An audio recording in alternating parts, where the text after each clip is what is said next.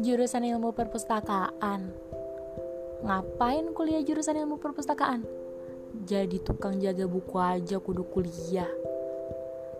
Semua orang juga bisa kali kalau cuma jaga buku di perpustakaan.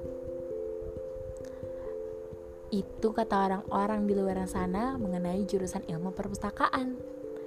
Padahal banyak banget loh prospek kerja mengenai jurusan ilmu perpustakaan. Dan aku akan bahas di episode kali ini.